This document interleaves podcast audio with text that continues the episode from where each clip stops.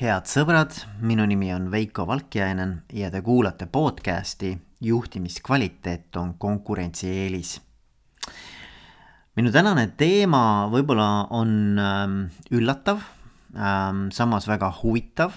Äh, ma arvan, et ähm, temas on piisavalt äh, sügavust, piisavalt olulisust ja võib-olla ka toos sellist uudsust et me ei ole tegelikult sellel teemal praktiliselt üldse rääkinud, eriti mis puudutab äh, juhtimise konteksti või juhtimiskvaliteedi valdkonda.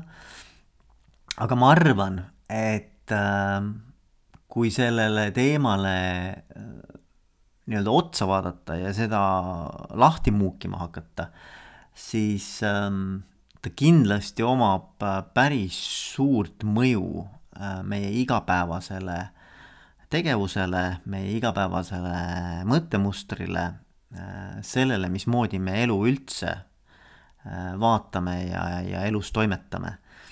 ja see teema on äh, surm. Ähm, surm sellepärast, et viimasel ajal, kuigi ka varem, aga eriti viimasel ajal, olen hakanud sellele teemale rohkem tähelepanu pöörama. on see siis teadlikult või alateadlikult aga kuidagi olen hakanud äh, nägema rohkem äh, uudistes seda teemat.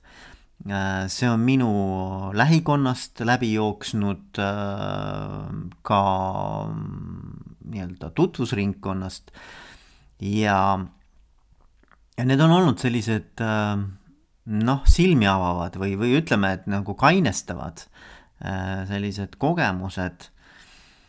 ja ma arvan, et et äh, see teema vajaks äh, ühte sellist podcast'i episoodi, mis äh, tõstaks äkki ähm,, tõstaks äkki selle teema nagu äh, esiplaanile, kas või korraks, et siis oma elusihti ja eluperspektiivi jällegi nii-öelda õigesse nurka sättida. ma arvan, mulle esimene selline huvitav kogemus, mida ma oma juba ma arvan, et, et sellisest äh, teismeeast mäletan, on see, et ma, ma aeg-ajalt ikkagi püüdsin ja see on nagu huvitav, et, et, et lapsepõlves püüad sihukest asja teha, aga et ma püüdsin kuidagi ette endale kujutada. ma püüdsin ette kujutada, et mida tähendab ära surra et noh, et te püüate ka nagu praegu nagu mõelda selle peale, et, et mida tähendab minu jaoks see, kui mind ei ole enam. et, et kuidas see võimalik on, eks ole, mi-, mismoodi siis nagu elu välja näeb? noh, minu jaoks. Ehm, no ma saan aru ratsionaalselt, eks ole et tegelikult elu ei olegi, et sind ei olegi, aga ma ei suutnud, vaat ma ei suutnud sellega leppida, et kuidas on võimalik, et mitte mind ainult ei ole nagu füüsiliselt enam, vaid et äh, ma ka ei mõtle või et mul ei ole teadvust või et mul, mul ei ole võimalik isegi mõelda sellest, et mind enam ei ole. ja vot see oli minu jaoks niisugune nagu müstiline nagu kogemus või müstiline selline avastus, et, et oot-oot-oot, et aga mis siis saab ehm, ja ma ei suutnudki selle mõttega või ma ei suutnud selle kogemusega või selle nii-öelda noh, ma püüdsin ennast sellisesse seisundisse viia, eks ole, et kus ma siis nagu oleksin, kui ma olen surnud. ja, ja ma ei saanud sellega hakkama ja see on, ma arvan, et siiamaani mind noh, mitte et ma sellega nagu liiga palju oma pead vaevaks, aga siiski ma olen nagu püüdnud nagu sellest äh, kuidagimoodi aeg-ajalt äh, läbi närida, et noh, mis siis ikkagi saab, eks ole. Kõige lihtsam on öelda, et mitte midagi ei saa, eks ju, sind ei olegi, eks ju, ja võib-olla ei olegi, eks. Aga, aga ma kuidagi ei taha leppida sellega või see kuidagi ei mahu mulle pähe. et noh, et, et sellisel juhul tekib hästi palju küsimusi, eks ju, et, et noh, miks, mis ma siin üldse teen või et miks ma üldse peaks siis elus olema või et mis see point nagu on, eks. et, et kuidagi sellist nagu elu või, või, või sellise teadvuse lõppemise või, või äh, et sellel on lõpp, et see ei ole lõputu, vaid sellel on konkreetne lõpp, mis äh, saabub sellega, et, äh, et sa enam ei ela. Äh, et seda on nagu raske kuidagi endale, endale ette kujutada, nagu päriselt ette kujutada. ja ma ei mõtle nagu seda mitte lihtsalt mõelda sellest, vaid et päriselt nagu paned silmad kinni ja püüadki ennast viia sellesse seisundisse, et, et nüüd mind enam ei ole, et noh, milline see maailm siis nagu välja näeb, eks. ja mitte teiste jaoks, vaid just minu jaoks. Ja noh, et, et selline nagu must auk, eks, et noh, et, et mis mõttes mind ei ole enam, eks et vot see oli see, mida ma nagu ei suutnud endale ette kujutada.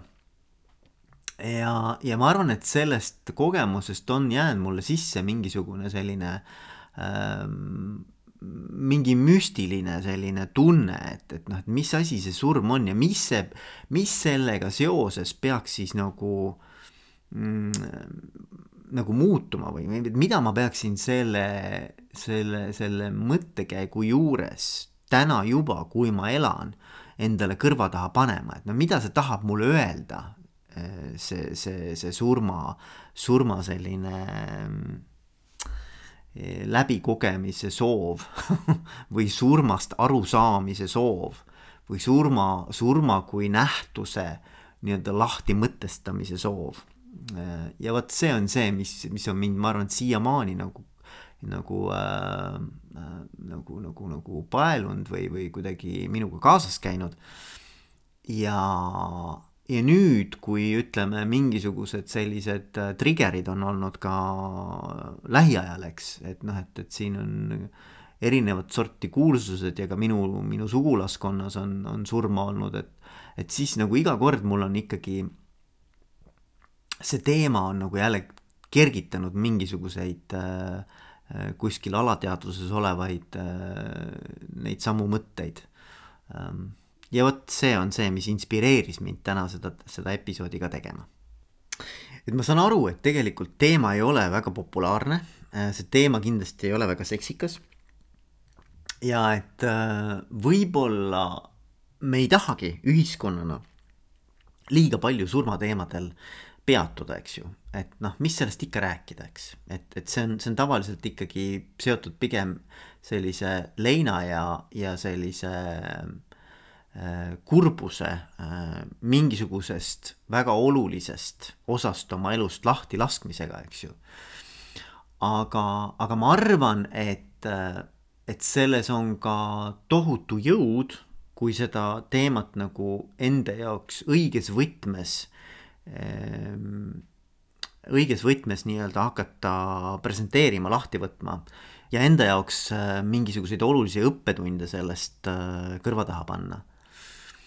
küsimus, mille ma kohe siia õhku viskaksin ja, ja mis ma arvan, lööb ka nagu klaariks selle õhu, on see, et äh, kui sa teaksid, et sinu elu võib lõppeda juba homme et mismoodi sa siis täna oma elu elaksid. et kas see mängiks rolli selles, mida sa teeksid täna, kui sa teaksid, et su elu võib lõppeda juba homme.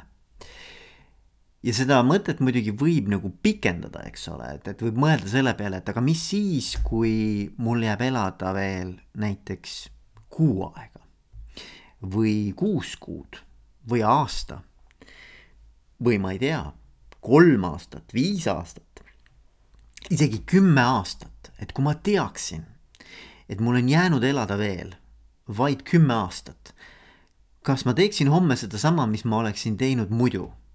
mis mu igapäevane rutiin, igapäevane selline tegevuste harjumus on ja kas need teemad, mis siis tegelikult mul iga päev laual on, et, et kas need omistaksid või noh, nii-öelda omandaksid, mitte omistaksid, omandaksid teistsuguse tähenduse. et ma arvan, et oleks nagu väga hea mõelda, et mis on need asjad, mis minu elus tegelikult, võttes arvesse, et see perspektiiv on võib-olla ülilühike. mis on need asjad, mis peaksid olema ümber mõeldud või teistmoodi ümber kujundatud? millise tähenduse mingisugused inimesed või mingisugused tegevused minu elus või probleemid või väljakutsed, millise tähenduse nad om omandavad, eks ju ähm,. ja kas see on erinev sellest, mis ma muidu igapäevaselt teen selle küsimuse muidugi niisugune nagu tagamaa või sihuke mõttelend on ikkagi ju see, et äh, aidata meil leida üles elus see väärtus, mis teeb elu elamisväärseks. ja, ja tuua meid tagasi nagu sinna, mis, mis tegelikult meile oluline on ja mis meile korda läheb. samamoodi võib endale esitada küsimuse, et äh, milline võiks olla see järelhüüe peale minu surma, mida ma tahaksin, et teised minu kohta räägiksid ja ütleksid. Et kirjutada iseendale nii-öelda siis äh, selline surmajärgne järelhüüe, mis, mis kõlab väga selliselt morbiidselt, aga, aga ma arvan, et võib olla ka silmi avav, eks ole, äh, harjutus, et, et kirjutada endale järelhüüe ja püüda välja tuua need asjad mida siis äh, me tegelikult ise tahaksime, et meist järgi jääks või mis on see mälestus, mis on see jalajälg, mis on see, äh, see, see väärtus, mida me oma eluga siis tegelikult tahame siia jätta. ja, ja ma arvan, et selle harjutuse läbitegemine ei ole üldse paha mõte, et võttagi paber ja pliiats ja kirjutada paari lausega, ma ei tea, paari paragrahviga, äh, mis on need asjad mida ma siis tahaksin, et minust teised räägiksid. Ähm, mis on need omadused, mida teised siis hindaksid minu juures äh, pärast seda, kui ma olen siit ilmast lahkunud. ja et kellele, kes on need inimesed, äh, kellelt ma tahaksin kuulda neid sõnu.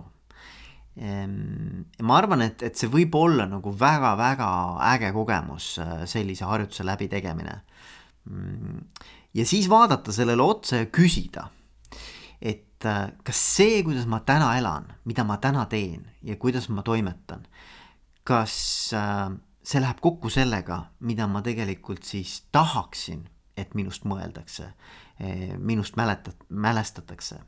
Eh, kas need asjad on omavahel äh, joondatud, kas seal on kattuvusi või on see pigem ikkagi täna veel ainult nii-öelda kauge unistus.